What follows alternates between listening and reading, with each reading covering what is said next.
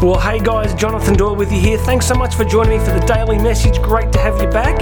Uh, housekeeping, do me a favor. Please make sure you have subscribed to these daily messages. Hit that notification button, or if you're listening on the podcast, please make sure you're subscribed. Makes a huge difference. Really appreciate it. And of course, grab yourself free access to the online version of my book, Bridging the Gap. Completely free. Down here below, there'll be a link. I want you to go hit that link grab the free copy of the book. I'm going to send you a couple of chapters every couple of days, which is really going to help you think about the gap in your life between where you are and where you could be. So that's my gift to you. Please grab that today. We're going to jump straight in today. I'm going to share with you a really important insight from the great novelist, playwright, all round interesting human being, H.G. Uh, Wells. You ready? Let's do it. What really matters is what you do with what you have. Okay, friends, regular viewers know that I think we live in a highly mimetic culture. It's a culture that is highly focused upon trying to get what everybody else has as quickly as possible. It's a celebrity based culture, it's an affluence based culture, it's a commodity consumerist atomized culture. So the sort of success of our post capitalist world depends upon creating consumers. Without consumers, then the whole thing begins to eventually fall apart. So, how do you do that? Well, one of the ways you do it is you target evolutionary psychology. You target the way that we've evolved as a species, which has been to, to look around into our world, see another tribe that's got either better land, better stuff, and immediately think to ourselves, well, if we had that stuff, we would be much happier. So you sort of bring that forward into the 21st century, and isn't it, can you agree with me, very easy to fall into the trap of thinking that if you just had what X person had, if you were just looked how they looked, if you just owned what they owned, if you're as tall as them, I had a haircut this morning and guy sitting next to me, he's got this thick, wavy hair. Not that I'm bitter about it or anything, and not that I'm making a point about it or anything, but you get my point. You kind of think, well, imagine if I had thick, black, wavy hair. Wouldn't that be amazing?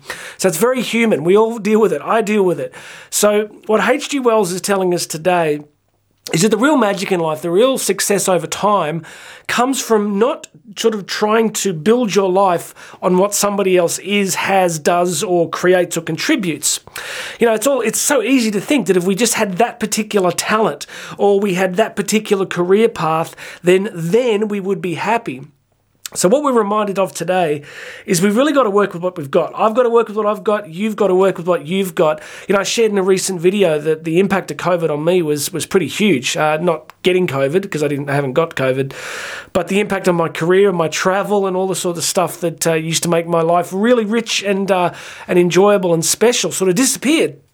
So there was a long journey for me of sort of trying to figure out, well, if that's gone, what do I do? And I've got back to this long, circuitous journey of, you know, coming to terms with just doing the things that really animate me, the things that I think can help people that are in me to help people with. You know, I shared last week I was on the motorbike when this really hit me that my job is to teach, inspire, motivate, encourage people. That's what gets me jazzed. That's what I love to do. So, what you need to do, my friend, is to begin to think really about what have you got. Are you funny? Are you academic? Are you athletic? Are you compassionate? Are you a great listener? Do you love to paint? Do you love to draw? Do you love to create companies? Do you love to be a parent? You got to do the best you can with what you have because you're never going to have someone else's stuff. I mean, you can build a life and career and become successful, and you can buy other stuff, but you're never going to have in you the magic that's in someone else because that's theirs. That's what they have to do. So, like a lot of the things I say on this channel, this isn't incredibly new. It's not like I've uncovered some massive new personal development principle. What I think's happening is because of the cultural influences that surround us, it's just so easy to fall into the trap of imitation. You know, Oscar Wilde famously said, you know, be yourself because why? He said, be yourself because everybody else is taken. So I think there is an imperative upon our lives just to to really focus each day on doing what we do well. Doesn't mean it won't be hard, doesn't mean it won't be tiring, doesn't mean it won't be a challenge at times, but today, as H.G. Wells says, you got to do what you can with what you've got. Okay, am I getting through? Am I getting you to think about it? Look at your talents. Look at what makes you happy. Look at, you know, Steve Jobs used to talk about it all the time. I mean, let's not put him on too much of a pedestal because if you read the biographies, there was quite a few character flaws there. Unlike me, of course, it was completely perfect.